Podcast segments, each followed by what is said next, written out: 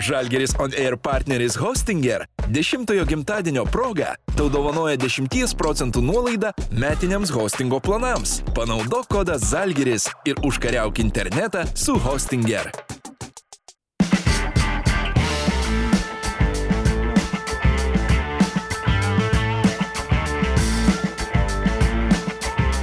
Sveiki, mėlyje Žalgiris Oneir tinklalaidės klausytojai. Dar vieną savaitę, kai galime jums pasiūlyti įdomų pokalbį su mūsų svečiais. Na, šiuo atveju svečias yra jums puikiai pažįstamas Kauno Žalgirio komandos, jau kalbėkime taip, buvęs sporto direktorius ir žmogus, kuris kandidatuos į Lietuvos krepšinio federacijos prezidento rinkimus, Robertas Jeftokas. Sveiki, Robertai. Labą dieną. Pradėsiu aš nuo tokios vienos istorijos, po jos dar apdovanosime jūs e, prizais, bet istorija skamba taip. Teko Žalgiris Insider pokalbį kalbinti Dimitrij Tudį. Ir jis yra sakęs, kad kai jūs žaidėte Atėno Panatinaikos klube, buvo kažkokios lažybos surinktos tarp jūsų ir Itudžio ir jūs kablius mėtėt kairę ranką. Ir ar paminėt tą visą lažybų foną, kaip ten kas viskas nutiko ir ar skolingas dar lieka Itudis jums? Jo, iš tikrųjų, tai tikrai netikėjau, kad jisai gali atsiminti tą dalyką, nes aš tai norėjau jam kažkada priminti. Nes...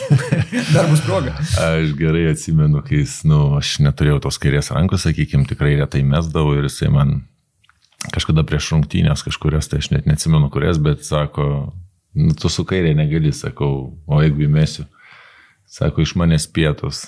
Aš įmesdamas dar prabėgau jam, pasakiau, skolo ir jisai aišku pasiekė, taip ganėtinai smagiai gavos, bet Aš tikrai netikėjau, kad jisai gali atsiminti, bet dabar, kadangi žinau, kad jis žino, tai reiks būtinai prie progos priminti. Tai mes dar ir vaizdo medžiagą turim. Jeigu jis ten apsimes, kad ne, nepamena nieko, tai galėsit iškart daiktinius įrodymus. Super, pateikti. super. O, o šiaip o, norim, Robertai, jūs apdovanot mūsų remėjo, Hostinger džemperių. Tai va, nešiokit.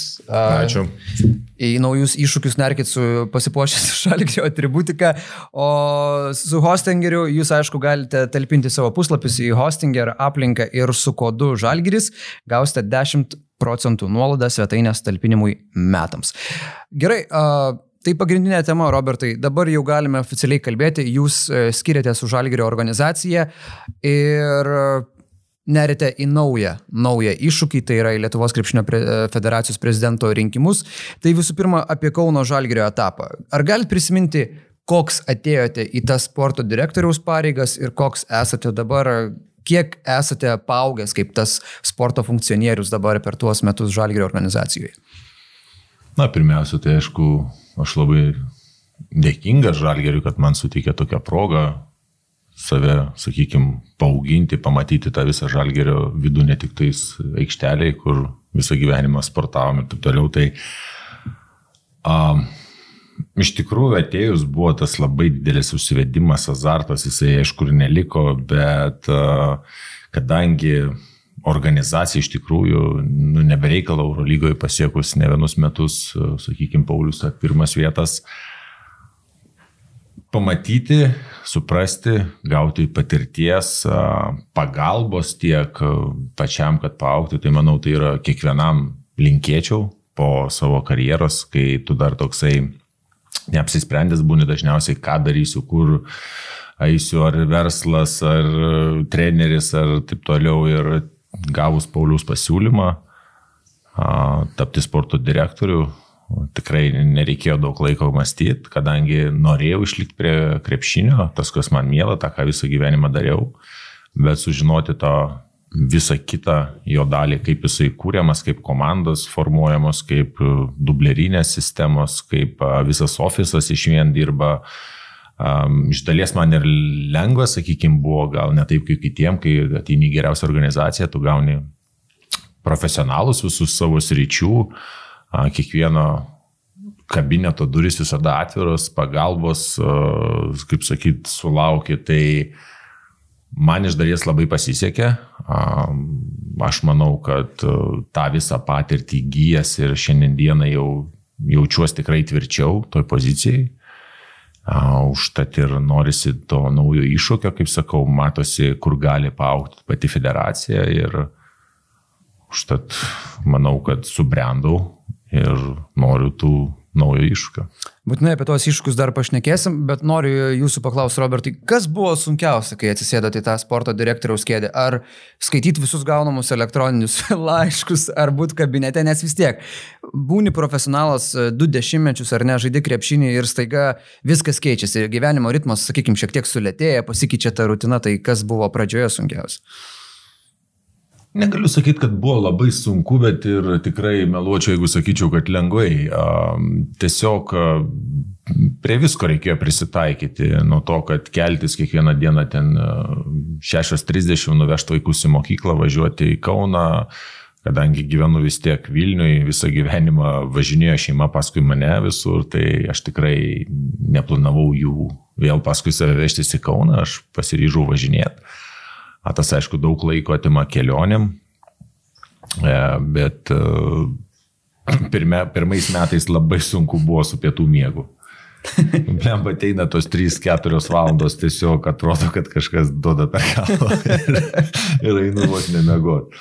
Tai pirmi metai tokie visada buvo sunkus, sakykime, išeiti iš to režimo viso gyvenimo, kur pietų mėgelį darydavai. A, mailų gausa, sakykime, atrašinėjimas, aišku, ten buvo ir skundėsi, kada atrašysi, man atrodo, ryt po rytą atrašysiu, bet kadangi taisyklės pas mus griežtos, ten 24 valandų, man atrodo, yra atrašymas. Daug tokių niuansų buvo, plus buvo tokio užsidėgymo, mėtymasis, e, tų projektų norėjimas daryti ir vieną, ir kitą. Nu, kardinaliai viskas skiriasi, bet kaip ir sakau, aplinka sureguliavo, tas pats man Paulius, kuris, sakykime, su juo bendraudavau kiekvieną dieną po kelis kartus, tai ties visus klausimus man greitai sudėliodavo. Kaip ir sakau, nu, priprast reikėjo, bet to tokio, kad sakyčiau, labai sunku, su tiek pagalbos nebuvo. Taip, na, bet kokiu atveju atėjo tik iš krepšinio. Tai tas, tos visos krepšinio žinios, tas suvokimas, matymas ir kitų komandų vadovų darbą tikrai turėjo padėti. O ko, pavyzdžiui, išmoko tokio iš Pauliaus Matijūno, iš to paties Žalgirio komandos vadovo? Gal pačios lyderystės, vadovavimo metodika, aš manau, kad operatyvumas, etika darbo.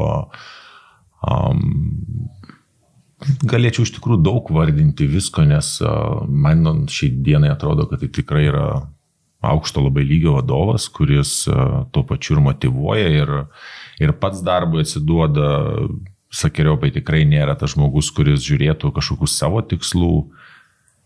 Tai yra tiesiog fanatikas savo darbo, kuris man, įkvėpia, man, sakykime, man patiko jo visa valdymo metodika. Uh, tą, ką aš galvoju, galima būtų pritaikyti ir toliau. Ir aš manau, kad tai tokia įgyta patirtis, jinai tikrai pravers nebūtinai, jeigu krepšinį, tai ir kitur. Buvote ir dublerių komandos vadovas, paskui ir prie vyrų komandos formavimo ir viso darbo prisilietėte. Kaip jums patiko va šitos visos sferos, kai na, jūsų veiksmai, jūsų žodžiai taip pat padėjo formuoti ir Eurolygos komandos net ir įvaizdį ir patį, patį tą veidą? Iš tikrųjų tai patinka, manau, kiekvienam, kas ateina į žalgerį ir gali prisiliesti. Tai yra tiesiog organizacija, kur nėra aš kažką padariau. Nes, kaip sakau, kiekvieną ar tą projektą vis tiek reikia visų pagalbos. Tai a, būna gal pirma kažkieno tai vieno idėja ir taip toliau, bet paskui nusirita darbas į visą kolektyvą. Tai nežinau, kažkaip tiek RKL, tiek NKL norėjom turėti visą tą piramidę, kad žaidėjai nedarytų tų didelių šuolių, kaip sakau, nes dažniausiai jų negali padaryti, kad turėtų visuose lygiuose, kaip ir Paulius leido projektą daryti ir su LKL kitom komandom, kad skolint žaidėjus, kad jie neišeitų iš mūsų sistemos, kad kažkiek prižiūrėti, tai Labai patiko, patiko iš tikrųjų, aišku, kai kur ir klydau, kai kur ir leido suklys, kad suprasčiau, kad klystu, kai kur atrodė, kad geriau žinau, bet e, manau, kad čia ir yra geras vadovas, kuris leidžia tau ir suklys, netgi ir matydamas, kad tu gal kartais ir klysti. Tai man tas davė tik tais, manau, naudos, tada ateini atsiprašai, kad, kad netai pasielgiai, bet e, svarbiausiai pripažinti savo klaidas ir eiti toliau. Jūsų galva, kaip va dabar e, funkcionuoja ta visa piramidė, prie kurios kūrimo, kaip ir pats sakėte, prisidėjot labai daug? Ah. kai tik pasakysi, kad gerai funkcionuoja, tai jinai nustoja funkcionuoti. Aš manau, kad uh, yra kur tobulėti, bet šiaip manau, kad mes suteikėm tikrai ypač tai visai dubleriniai sistemai labai daug ir, ir darbo įdėta, ir, ir, ir dėmesio duodam, ir tikrai finansai dideli. Aš nemanau, kad daug dublerinių sistemų turi tokius biudžetus ir taip toliau. Aišku, viskas ats, ats, visas tas, kaip sakyti, su sąlygų sukūrimas ateina į, fin, į finansus. Tai čia Paulius tiki, leidžia tą biudžetą tokį turėti. Ar esam patenkinti, manau, kad galim dar geriau padaryti ir šiuo metu tą puikiai daro Gediminas Nuitskas, tai aš galvoju, kad jisai tikrai puikiai tinka šitom pareigom ir jis taip įsivažiavęs, taip matant jo azartą, aš tikiu, kad jis dar padarys geriau. Ir štai prieinam prie tos temos, e, kai nusprendėte tapti Lietuvos krepšinio federacijos prezidentu. Kada ta susiformavo ta pati pirma idėja, kad jūs norite eiti ir kandidatuoti į šias būtent pareigas? Čia gal savaime susidėliojo, tiesiog toks, sakyčiau, buvo Bet čia vidinis noras, čia niekas nepastumė jūsų ten, kaip ten buvo? Ne, aš, aš taip traktuoju, kai kur, nu, kai kur čia dažniausiai man tas toks jokingas, čia prašo manęs kažkas, tai visi prašo, ant kiek aš geras, kad tapčiau. Ne, aš e, buvo tų visokių kalbų, nuo kai baigiau karjerą, gal čia į federaciją ir taip toliau, bet aš tikrai nebuvau nei pribrendęs, nei negalėčiau ateiti į federaciją, būti prezidentu, neturėdamas jokios patirties, nesuvokdamas ateidamas iš krepšinio aikštelės. Aš manau, kad kiekvienam, sakau, čia kiekvienam linkėčiau papulti ir keturis metus pabūti mano kailį, tai yra tiesiog super, bet uh, ta mintis tokia sakykime, susiformavo per tuos keturis metus, kai tu susiduri su tom problemom, kai tu matai, kai tu pradedi bendrauti su ne tik su krepšininkais, bet ir e, treneriais, ir direktoriais, ir visais, kas susijęs su krepšiniu. Ir e, tu supranti, kad gali, nebūtinai tik tais žalgeris gali būti tenai, sakykime, sėkmingas toksai pavyzdys Eurolygoje, kuris ten e, siekia su mažais biudžetais, bet visa Lietuva yra maža. Bet federacija, manau, galima irgi padaryti taip, kad ten veiktų dar geriau, kad to suformuoti visas, kaip sakau, tą jaunimo sistemą visą geriau, kad e, trenerių sistemą padaryti geresnę. Tai aš manau daug tokių, sakykime, spragų, kur galima labai stipriai padirbėti ir, Ir tiesiog tas užvirė, aš įsitikinęs, kad tai, tai galima tikrai padaryti. Ir pasitariau su Pauliu, atėjau, paklausiau, ką jis mano. Jis pritarė mano sprendimui. Manau, kad Paulius visiems pritarė, kas tik tais nori kažkur kilti ar kažkokius a, naujus, sakykime, iššūkius iškelti. Tai taip ir, taip ir gavos, kad aš viduje apsisprendžiau, pakalbėjau su šeima, Aišku, šeima sako, kuo ten eini, viskas labai gražu ir gera žalgerį, bet gal nesu tas irgi žmogus, kad jeigu šilta vieta, tai reikia jo tik ir sėdėti. Norisi kažką ir pačiam kurti ir gal, sakykime, tą įgytą patirtį išnaudoti ir Lietuvos masto, ne tik tais žalgerio. Kalbėdamas apie šią poziciją, į kurią kandidatuojate, jūs užsiminėte apie tas problemas, kelias iš jų įvardinot, bet jeigu taip reikėtų besti pirštų, ar yra kažkokia viena esminė problema, kuri dabar yra ta prioritetinė, kurią reikėtų tvarkyti, ar čia kažkoks visas yra ir tų spragų ar problemėlių portfelis?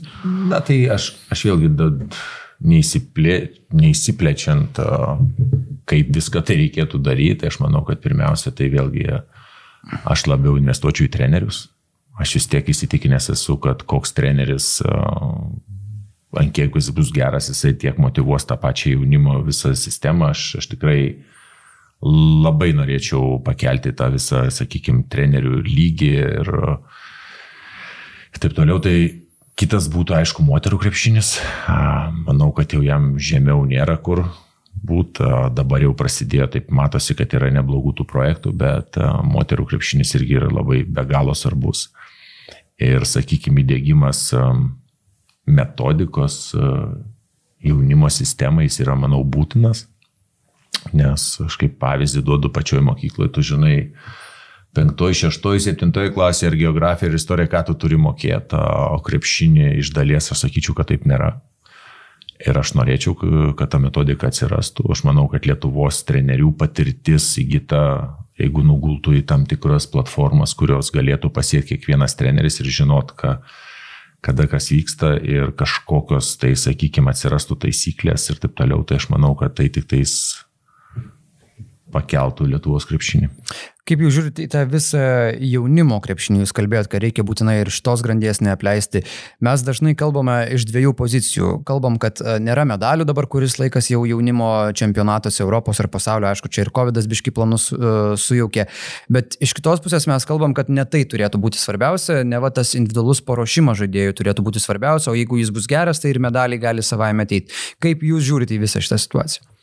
Na, aš manau, tą, ką mes ir darėm dubleriniai sistemoje, rezultato siekimas nebuvo mūsų tikslas, tikrai nebuvo iškelti nei vieni tikslai nei vienam treneriui, tikrai nei vienas treneris nebuvo atleistas ar, nežinau, išsikviestas dėl to, kad pralošėm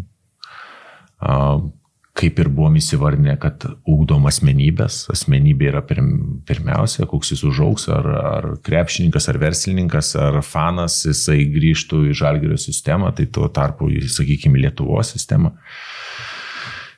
Jaunimo, čia labai gerai pasakėjai, tą, ką mes ir manom, kad geras darbas, jis vis tiek nori, nenori atneša pergalės. A, tai norėtųsi tą motivacinę sistemą pačių trenerių pakeisti, kad a, ne pergalių siekimas, tuo pačiu kažkiek reikėtų ir tevams suprasti, nes šiandienai tėvai labai nori kažkodėl laimėti. Bet tai labai sunkus tas pakeitimo mąstymo procesas, ar ne? Nes... Tai, tai, tai nėra vienų metų ar dviejų metų, bet aš manau vėlgi, tai, tai tiesiog yra darbas, tai yra tie patys psichologas e, pas mus, kuris irgi dirba ir, ir su tėvai šnekamės ir e, ką mes norim iš tėvų matyti. Nenorim, kad vaikas gautų spaudimą namuose, kad jam reikia įmesti tiek taškų ar kažkiek. Kitas dalykas, aš kaip sakau, fizinis pasirengimas, ne tik krepšinis yra, nesinori ir tos pačios išmušti iš vaiko noro, kai tenais, nu, kaž, nu, sakykime, nuo mažų dienų jie pradeda vos ne kaip profesionalai sportuoti. Norėtųsi, kad jie gal ir ne tik tais e, krepšinį, kad ir futbolą paspardytų ir kad tos kitos raumenų grupės įsijungtų. Tai taip, mes per daug susikoncentravę į pergalės ir tai negalėtų būti, bet pagal šiandien dieną tai yra tiesiog tai padaryta, kad trenerių, sakykime, ir pačios algos e, nuo to priklauso ir tas norėjimas laimėti su anksčiau subrendusiais vaikinais ar merginom, jis užgožia kažkiek vėlyvesnio brandimo, tai šito norėtųsi pakeisti, kad treneriai būtų daugiau suinteresuoti užugdyti asmenybės, kad atėję 12 žaidėjų, nežinau, ten 13 ar 14 metų, negali kažkuris vienas neišeiti į aikštę pažaisti. tai nėra normalu, aš manau, kad jeigu tik pergalės sėkimas, tai yra uh, net tuose metuose ir kai rinktinės ten, vėlgi, sakau, prie gero darbo, prie vaikų atsidavimo trenerio, kai geras treneris vaikai tikrai atsiduoda, tie medaliai ateis savaime. Ta aš ir buvau, kaip lankiausi Barcelonoje, tą jau prieš penki, Barcelonoje sakau, Ispanijoje, prieš penkis metus jie tą įsivedė ir jiem tai pasi, pasiteisino, tie medaliai vis tiek ateina. Aš kaip sakau, vienintelis, kas yra vyrų rinktinė, kur tikrai turi būti tikslai aukščiausi, kad sugrįžti tą, sakykime, aukščiausią top penketuką, trejetuką, nežinau. Ten jau yra, kaip sakau, tas desertas, ką tu nuveikiai nuo jaunimo, ką užauginai ir va ten jau yra tavo rezultatas. O jaunimas jisai ar turi siekti būtinai medalius. Uh, savotiškai kaip ir nesinori, kad pralaiminėtų, bet aš manau, tas ateitų savaime nuo gero darbo. O tas desertas vyrų rinktinė, ar dabar tai, jog keliose turnyruose išėlės jį nebelaimi tų medalių, ar čia tiesiog yra, na, kaip visur būna prastų atkarpų, ar čia kažkokia ryškėjanti tendencija, kad mes galbūt jau nebesame elitas, esame tokie galbūt daugiau vidutiniokai, kaip jūs žiūrite tą situaciją? Ne, aš manau, kad mes tikrai nesame vidutiniokai, aš manau, kad mes esame dar elitinė, sakykime, rinktinė kad ir šiandienai žiūrint į mūsų rinktinę sudėti, aš, aš nematau ten vėlgi atvažiuoja slovenai, neutralizavę vieną centrą, tiesiog prireikė iš karto Man tai nesuprantamas dalykas šiandienai. Aišku, nežinau, kiek laiko mes turim būti kvailesni, sakykime, už kitus, kur visi pasiema, kam ko reikia, kokios pozicijos, jeigu mes šiandienai, sakykime, pasipildytumėm vienu labai geru ar žaidėju ar kažko, tai gal mums tos irgi daug duotų, bet aš būčiau, sakyčiau, prieš tik nežinia, kiek ilgai tu turi pralošinėti, kad, kad tas ateitų normalu ir sakytum, ne, užteks viskas, mes irgi nebūsim kvailesni. Vėlgi, sakykime, dabar gavosi toks treneris, vienas išeina, kitas ateina, gelbėt, vienas nesutinka, trečias irgi, tai mes turim problemų tada ir treneriuose, ne tik žaidėjuose, sakykime, bet šiaip iš dalies, aš vėlgi, kaip sakau, mes būdavo, kai Sidabrą laimėjom Slovenijai, kiek mums trūko, kad mes grįžtumėm namo be nieko. Gal susideda ta tokia ir nu, mums bando išaiškinti, kad sėkmės nėra, bet aš sakau, susideda ir tos sėkmės kažkokia formulė. Mes esam tikrai geri, mes pajėgus įveikti benką, bet mes pajėgus ir pralošti. Tai tas, va, gal sakykime, asmenybių ir charakterio ūkdymas, jisai padėtų ateityje dar labiau pasiektus rezultatus. Einate į prezidento rinkimus su savo suburta komanda ir joje yra ir buvęs Lietuvos vyrų rinktinės treneris Jonas Kazlauskas, kuris, pataisykite, jeigu suklysiu, viceprezidento parenkas užimtų, ar ne? Mm, mes iš tikrųjų buvo taip, mes susitikę iš pradžių dar, e, aš kviečiau į komandą. E, aš nemanau, kad tai yra svarbu, jis bus viceprezidentas ar sporto direktorius ar, ar kokios pareigos. Svarbu, ką jis atsakingas, kiek jis nori ateiti, ar jis nori O tai kokia tada būtų jo Jono Kozlausko sritis, kurią jis kruotų? Jis būtų atsakingas už trenerių visą kvalifikacijos kelimą, licenzijavimą, už jaunimo ūkdymo programas. Tai yra, manau, kad tokia sukurta patirtis, kurio šiandienai neišnaudoti tiesiog negalima. Aš pasikalbėjau su treneriu, gal vėlgi porą valandų, gal daugiau, aš net nežinau, nebeatsimenu, nes pametėm laiką. Aš išdėščiau savo viziją, treneris savo, bet mes prieėm prie vieno, kad mes panašiai žiūrime viską ir kad galima tikrai padaryti geriau. Um, aš paklausiau, ar treneris norėtų tikrai įsilieti tą darbą, kaip sakyti, visų etatų. Jis pasakė taip, kas mane labai nudžiugino ir daugiau man klausimų nėra. Aš, kaip sakyta, mano karjerai tai palikęs didelį įspaudą į mano karjerą. Nebuvo tiek daug, sakykime, vyr trenerių, kurie pasilikdavo po treniruotės padirbėti su manim kurie užmotivuodavo, kurie, kaip sakyk, vėlgi, gal kiti net, net ne, ne tai, kad nedrįsdavo, bet vieni nemotivuoti, kiti Gal aš atpas arogantiškas kažkur tai atsakydavau, bet aš manau, kad um, netgi tas darbas su Jonu, kurį jis man duodavo po treniruočių, ten 20-30 minučių kablimės ar tenais savo pratimus, tai tas, kas mane vežė realiai visą karjerą. Tai aš tik noriu pasakyti, kad tiek nedaug reikia kartais investuoti į kažkokį žaidėją, kad mano tam, sakykime, bėdnam polimo arsenale mane tiek metų tas dalykas vežtų į priekį. Ką galite pasakyti apie kitus specialistus, kurie yra jūsų komandoje, kuriuos jau atsirinko tai kartu į prezidento rinkimus? Noriu pabrėžti, kad iš tikrųjų, nors čia skamba Joną Kazlauską labai senai pažįstu, bet visus rinkaus tikrai susidėliau mintys, ką aš norėčiau matyti profesionalų savo srityse, kur aš matau sakykime, kur man reikia pačiam ir aukti, ir, ir tobulėti, ir mokytis iš kitų.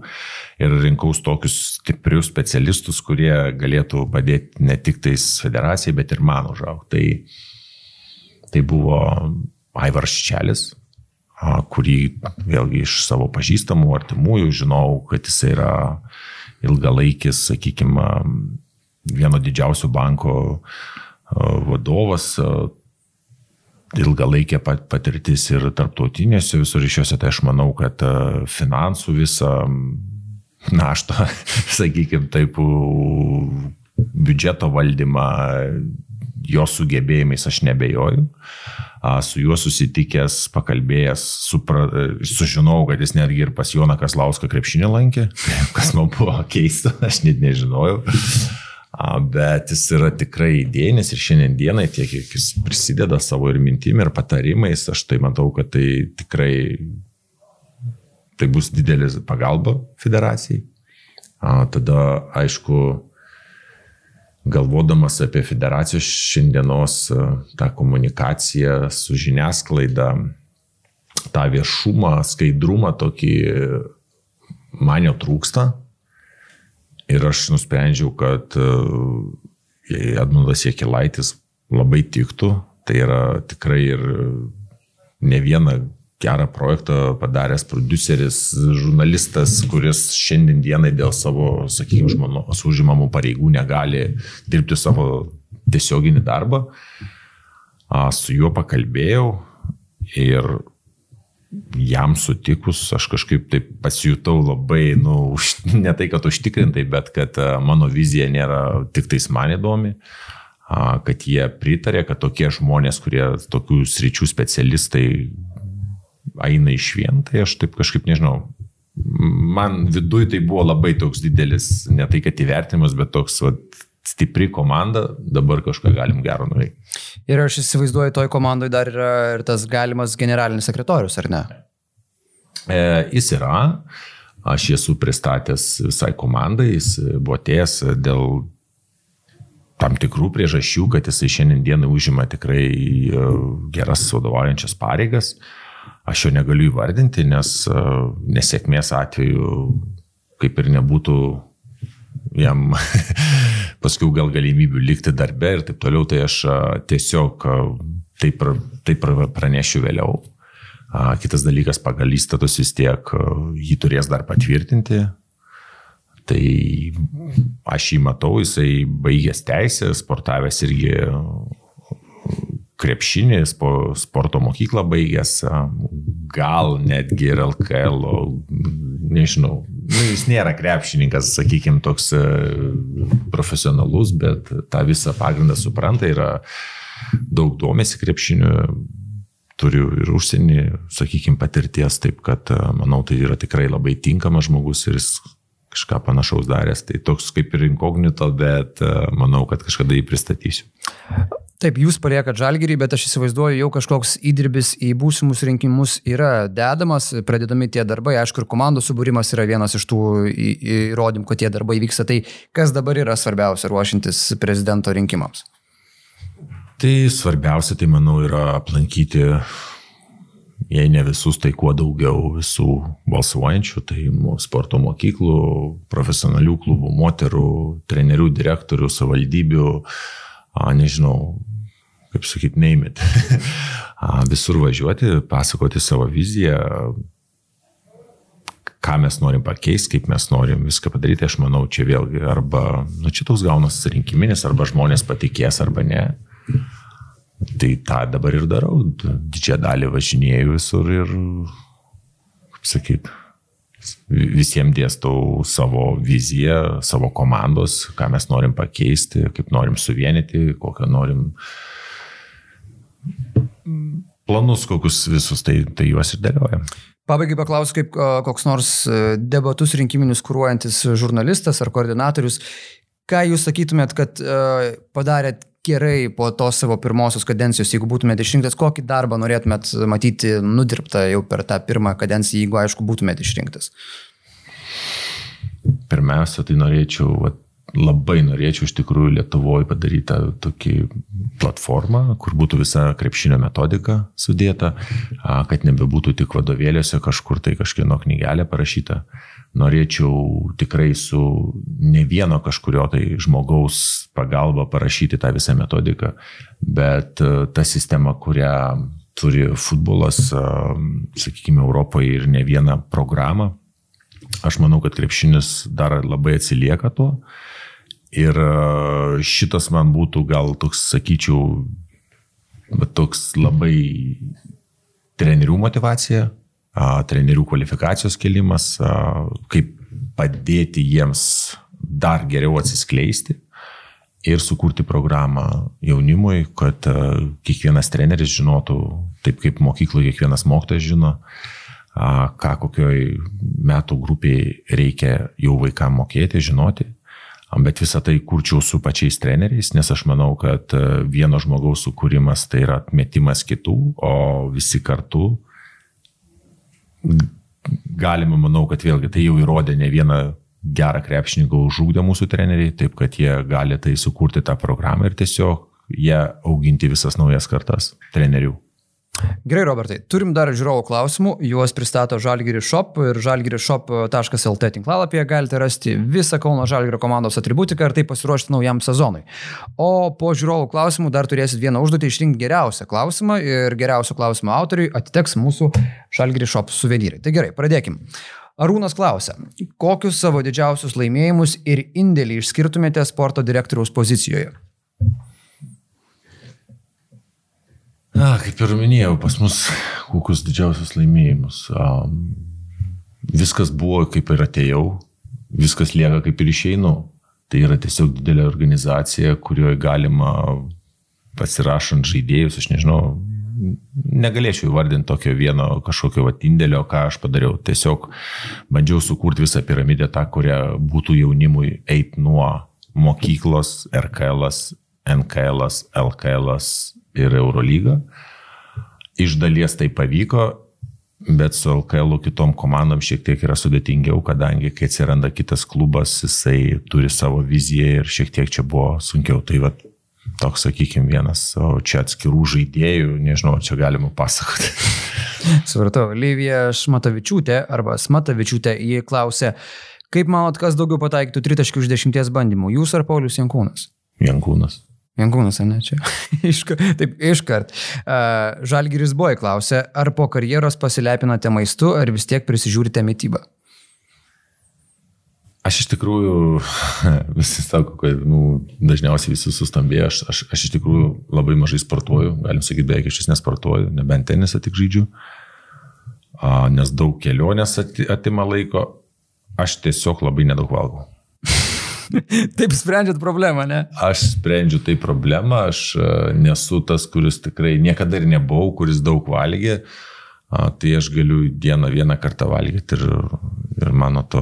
Bet jūs aukštas vyras, tai kas jums yra nedaug, gal kitam yra trys porcijos per dieną? Ne, ne, ne, aš, aš matau pagal kitus, kiek valgau mažesni, tai suprantu, kad aš tikrai daug nevalgau ir a, kilogramų nedadėjęs, gal tik tai, sakykime, tas raumeninas e, nukritęs e, ir taip toliau, bet aš vis, vis žadu grįžti į, į Terminatorių. į, į raumenų programą ir tikrai kažkada grįšiu, bet, kaip sakau, daug, daug tikrai važiuoju su mašina, daug kel, visur, ar į rungtynės, ar tas pats į darbą važinėjimas, dar hobiai, pomėgiai ir taip toliau, tai aš tiesiog labai daug laiko man suvalgo va, tas važinėjimas, tai tam sportui kažkaip ir tada dar turi su šeima pabūti ir vaikui ir taip toliau, tai a, sportą apleidau.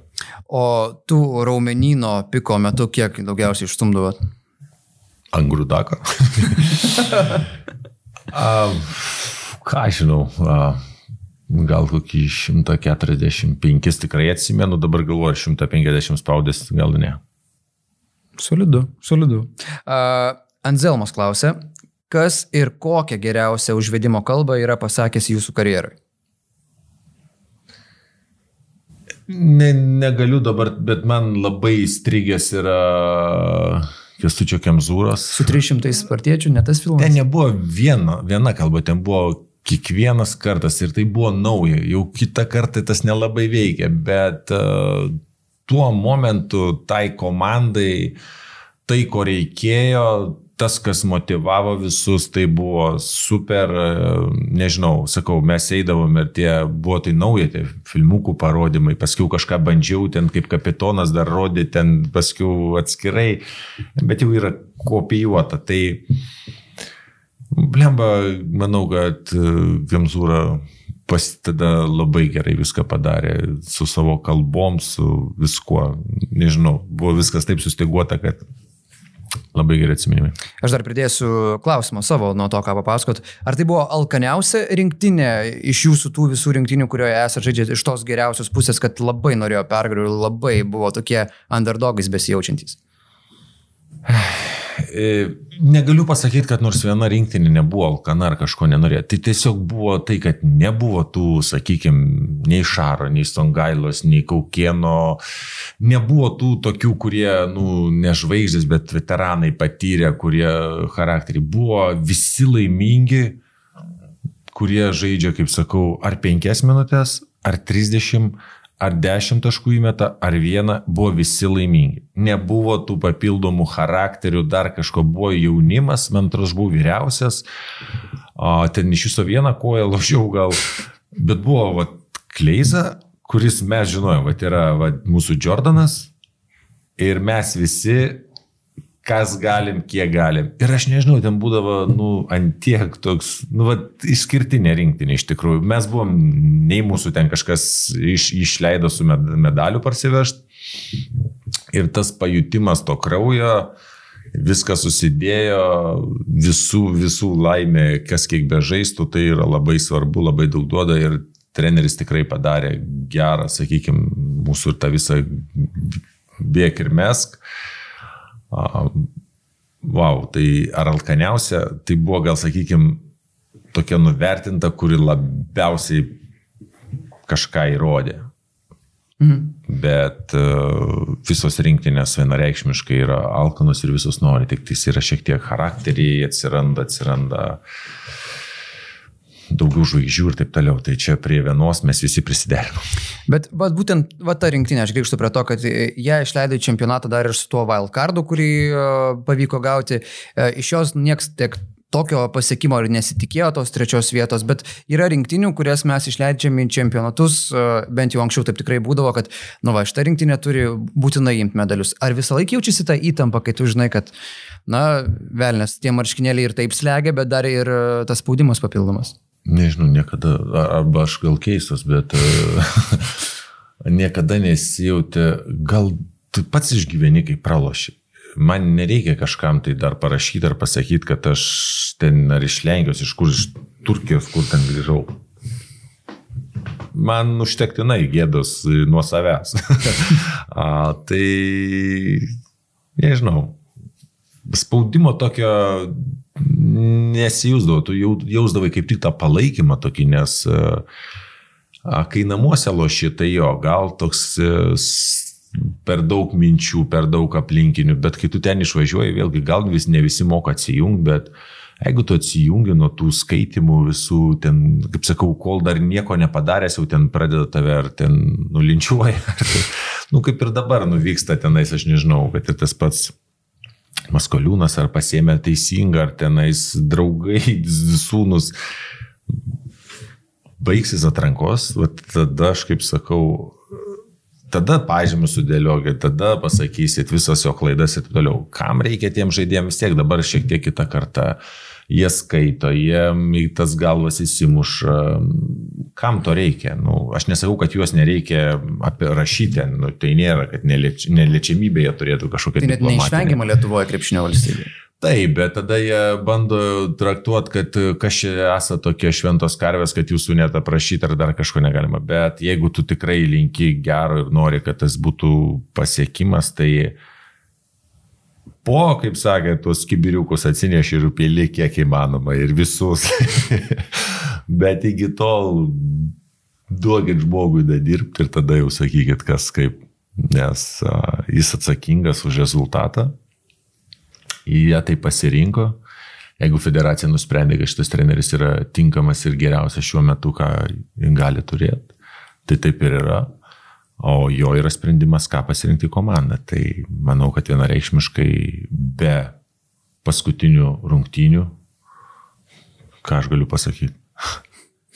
Gerai, važiuom toliau. Nerijus Kundrotas klausė, ar jaučiate traumų padarinius iki šiol, jei taip, tai kur pasireiškia, ar darbuojantis sodyboje, sėdint ofise, medžioklėje, ar, ar būnant su šeima. Ir klausimo antra dalis, ar nesigailite, kad aukojate kabutėse sveikatą žaisdama su nuskausminamaisiais? Ne, niekada nesigailėjau, jeigu į antrą iš karto mhm. atsakyčiau, ar tą leičiau savo sūnui, ne, greičiausiai, neleičiau. Visada buvau maksimalistas, niekada negalvojau apie rytojų, apie savo karjerą, apie kito pasirašymą. Kažkaip aš va, tokį turėjau blogą savybę, kad Na, nepais, tai nepais. nu, niekada tikrai nesvaršiau, kas man, jeigu aš investuoju pusę vasaros ir gaunu kažkokią tai traumą, aš nenoriu tą pusę vasaros nubraukti ir važiuoti gydytis. Aš noriu toliau važiuoti, būt. man patiko, man tai buvo garbė, man tai buvo kažkas to, ką man nereikėjo skambinti ir ten klausinėti visus metus, ar ten kontaktuoti treneriui, čia į rinktinę. Man ten reikėtų, reikėtų tik parašyti, kad tu net važiuok aš kažkaip nežinau, man tas nuskausminamieji, tai čia tiesiog mano pasirinkimas, nei vienas treneris, daktaras niekada nevertė, neprašė susileisti. Visada sakydavo varyk, jau kai sakydavo gal baig, sakydavo, žiūrėkit, nu, koks skirtumas, ar, ar biškiai lūžo, ar visai nulūžo, nu, vis tiek gysim beveik vienodai. O traumų padariniai jaučiasi, jaučiasi visi, ypač nugara iš tikrųjų, nes vat, su nugara kažkaip tai lembaritais kojai nesusitėti. Reikia atsiremti, žinai, kad, kad koja tas traukia. Kadangi sakau, nesportuoju daug, pasportuoju, pabiru, vėl palaukiu, vėl ateina atgal Nainu, vat, persišviečiu, pasako, dar gyvas, toliau einu. Nematau problemų. Čia vos ne kaip į McDonald's jums užvažiuoti, ar ne, persišviesti. O, sveikus, Robertai. Ne, aš, man, žinot, kiti sako, operaciją paskyrė, ten pradeda jaudintis išgyventi.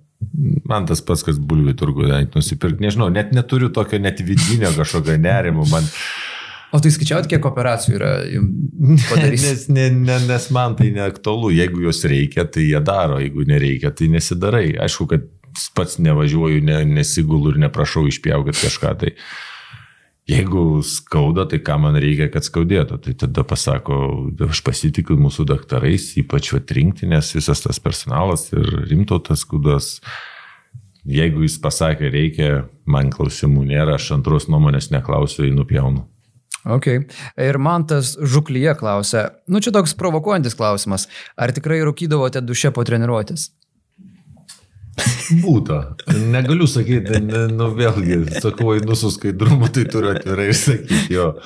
A, jo yra buvę ir ne kartą, ir, ir tai buvę. Ir, nu, ką aš galiu pasakyti, tai nebuvo pastovus mano užėmimas, bet yra buvę ir tikrai nemelavo Lopsonas. Gerai, periname prie mūsų partnerių autojutos klausimų. Klausimai teminiai susijęs su greičiu, su automobiliais. Ir pirmas klausimas, jei galėtumėte turėti bet kokį automobilį, koks jis būtų? Pliam, žinau, vienas sunkiausių klausimų iš tavo dabartinių visų. Aš antiek esu, man viskas antiek patinka, aš nuo pikapo iki Kabriko sportinio limuzinas, traktorių norėčiau turėti, rimtai. Turiu vaziką be stogo. Ta prasme, man šiaip šiandien dienai, kadangi aš daug laiko, sakykime, skiriu savaitgaliais į sodybą važiuoju, kai laisvas laikas medžioju ar žvėjoju ar šiaip į gamtą, tai man pikapas man kažkaip prikibęs dabar, kaip nežinau kas. Tada yra šeimos mašina, ar norėčiau sportinės. Gal kada nors ateityje tik dėl to, kad šiandienai jai tiesiog laiko nėra, nes yra keturi vaikai, kurie netelpa. Aš ir pats beveik netelpu nei vieną. Tai nėra patogu, tai yra tik toksai, sakykime, trumpas adrenalino kažkokio, va, kaip ten nuvažiuoja į tūkstantį lenktynių pravažiavimas, kuris tikrai duoda adrenalino, bet re, renkuos pikapą. Gerai, ok, dar vienas klausimas. Kaip manote, kuris iš žalgriečių yra blogiausias vairuotojas ir kuris geriausias? Mm, nežinau, čia Mindaugas Kadaras mūsų atsakytų pagal avarijų skaičius gal policijos užregistruoti. Nežinau, iš tikrųjų dabar e, beveik nieko nėra su tais, ko žaidžiau, tai neturiu ką atsakyti. Ar čia iš viso plamai karjeros? Čia galite jau kaip norit. Gali, va, pavyzdžiui, kas šauna į galvą, kad blogiausias vairuotojas buvo jūsų komandos draugas jūsų karjerai? Blemba iš krepšininkų taip dabar net neatsimenu, tik tais Anisimova girdėjęs, kad varo pilnų dugnų. Ne, visi, visi geri, nežinau, nu, gal dėl to, kad vėlgi Jankūnas, nu, tas, kuris važinėja kaip prezidentas, aš. Viskas gerai. Neturiu blogiausio, geriausio, visi gerai vairuoja. Iš tikrųjų, neturim jokių nusiskandimų, greičio viršimų, neteina į klubą kažkokių didelių. Tai Ok. Uh, čia irgi iš karjeros galima sakyti, jūsų kokį smagiausią nuotykį esate turėję su komandos draugais ir automobiliais. Yra tekę šešiese važiuoti dvimetriniam žaidėjim. Ne, aš visada, nežinau, kodėl užkliūno, tai čia Macijausko atvejis, kaip, bet čia vėlgi mes važiavom mieste, nu, kamštyje lenktyniavom, tai tu, ta prasme, kad vieno kamštis juda biškit, važiavom iki treniruotės ir jo, nu, jo eilė pradėjo judėti ir jis taip važiuodamas man su pirštu rodo, kad, tipo, neplenksi ir ta kita mašina sustojo. Aš realiai jokiaus valandą. Jis kaip pylė ten, nu, nestipriai, bet kaip davė tą. aš, aš iki dabar atsimenu tą. Čia ir, pri, ir kartu prisimenate iki šiol, ar ne šitą istoriją? Jo, na, dar atsimenu jį, kaip nusipirko naują pežo ir kamerą užšalo ir praktronikai pylė į medį prie arenos, bet čia dabar. Ai, Antanas, Antanas, Antana Kavaliauskas, atsimenu dabar kaip čia, nu kadangi čia įvažiuojam ir šitą aikštelę visada ž, arenos visa didžiulė ir čia būna jinai ledas. Taip, taip, taip, taip. Nu ir ką, tu pro šviesoforai važiuodamas atsijungi praslydimus visus ir tokį driftuką duodi mažą. Nepai. Pasigavo kažkaip. Aš vienas iki iš tikrųjų sustojau šalia kolonos. Nes čia mašinų nėra nei vienos, nieko. Ir taip jau manęs sumėtė, apsisukau ir jau tik tais, kaip sakyti, eurožančių sukau, kad, kad nepasimčiau visų kolonų. Bet Antanas vieną buvo pasėmęs. okay. A, kokią esate turėjęs tolimiausią kelionę automobiliu, koks tai buvo automobilis ir kur keliaut? Ja, esu iš Graikijos parvažiavęs. Į Lietuvą? Taip. Esu, jo, vat, gal tokia tolimiausia kelionė buvo. Sėdau į, į žmonos Porsche tuo metinį, bet Kajeną. Tai per kiek čia laiko atminėt? Blema, dabar galvoju, meluoju gal. ne, kažkaip važiavau, žinau, kad aš visada važiuodavau, aš ir iš Maskvos, kai gyvenau su mašina pervažiavau, ir iš Valencijos irgi, man atrodo, su mašina pervažiavau, iš Graikijos uh, su žmona važiavam iš tikrųjų dviese, su tada tuo laiku turėjau BMW M6 ir važiavom, nes važiavom pailsėti dar į Italiją, tai va, šiaip, kad non-stopų sėdau ir iš Milano, kiek ten 2-2-2-3, pats vienas parvairavau. Tik tai svate nuskausminamus geriau, kad nugaros nepamėščiau. Ir benziną tik užsipildavom ir variau, ir viens vairavau. Non-stopų, ne? Taip. Non-stopų grįžau ir čia nėra ko girtis iš tikrųjų į Lietuvą įvažiavęs tik supratau, kad viskas jau pradeda viskas plaukti ir tada jau, bet kažkaip nu, šiaip vairuoju ganėtinai neblogai, saugiai, sakykime, ir atsargiai, tai o dabar iš viso jau pasenau, tai Na, jeigu pikapas jau įdomiausia mašina, tai pasupranti, kur, kur aš nusiritęs. Na ir paskutinis klausimas iš mūsų partnerių skilties. Jeigu reikėtų vykti į medžioklę su golfu, tai kokius komandos draugus pasimtum draugė ir kas sėdėtų automobilio gale? Su golfu. O kodėl būtent su golfu? Šiaip. Esu tu jų tą klausimą. Ok. nu tai ką pasimčiau? Pasimčiau Jankūną nes jis irgi toks prijaučiantis, nors silpnas dar medžiotojas. Dar bręsta tik tai, ne? Jo. Paulių paimčiau, Matejūną. Čia turi būti medžiotojai visi. Nebūtinai, gal kažką Ka, norite. Kalną paimčiau iš kalną. tikrųjų. Jo, jisai gale už, ir už muziką būtų atsakingas ir, Ir šiaip visai linksmų plaučių. Ir Milą paimčiau, paimčiau Milą. Dar, A, jeigu va tokia iš gera kompanija. Jo, Milas jis visada linksmas su juo ir yra pasiginčyti visą kitą gali. Bet jis palaiko, tai mes visada Jankį nuverst bandom. Tai... Supratau, nu ir pabaigai, Robertai, mums reikia išrinkti iš Žalgiris Shop žiūrovų klausimų geriausiai ir atiduoti marškinėlius. Aš galiu labai trumpai priminti klausimus. Buvo vienas apie indėlį sporto direktorius pozicijoje, apie tritaškius su Jankūnu, apie mytybą, apie geriausią tą motivacinę kalbą, apie traumų padarinius ir apie rūkimą duše. Rūkimą dušę negaliu duoti, nes čia man kaip ir Kompromituojantis toks kompromituojantis, aš turėjau prisipažinti.